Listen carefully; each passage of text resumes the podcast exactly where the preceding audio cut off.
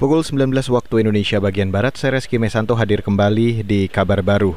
Saudara Badan Pusat Statistik atau BPS mencatat lebih dari 29 juta penduduk usia kerja di Indonesia terdampak pandemi COVID-19.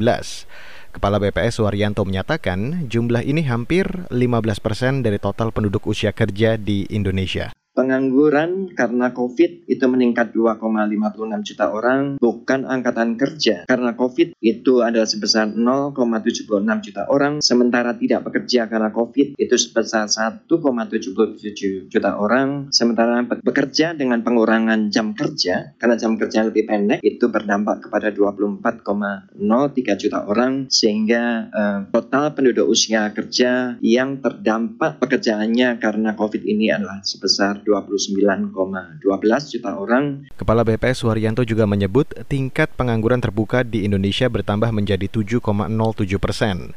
BPS mencatat angka pengangguran terbuka mengalami kenaikan 2,67 juta orang dibanding tahun lalu. Total jumlah pengangguran di tanah air yang tercatat BPS mencapai 9,77 juta orang. Beralih ke informasi selanjutnya, Saudara Markas Besar Kepolisian menyiapkan personel untuk menjaga toko maupun pusat-pusat perbelanjaan dari sasaran sweeping atau penyisiran kelompok yang anti produk buatan Perancis. Juru bicara Mabes Polri, Awi Setiono mengatakan, kepolisian sudah melakukan deteksi dini dan menyiapkan penjagaan di sejumlah daerah. Ia juga meminta masyarakat tidak main hakim sendiri dengan melakukan sweeping produk-produk buatan Perancis.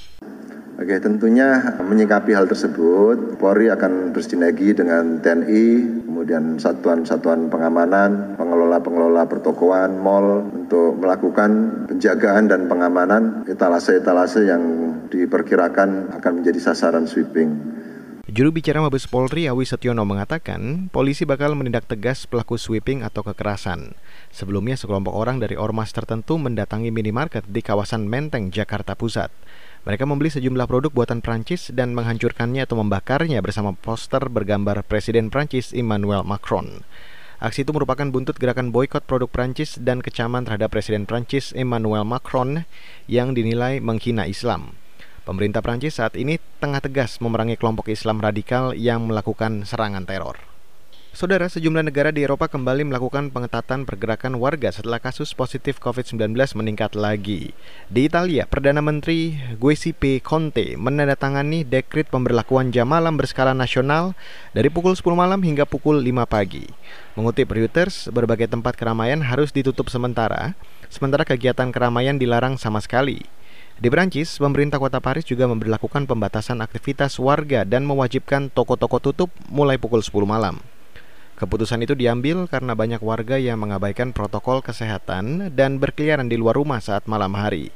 Pada Rabu kemarin, Prancis mencatat ada tambahan 40 ribu kasus baru dalam sehari.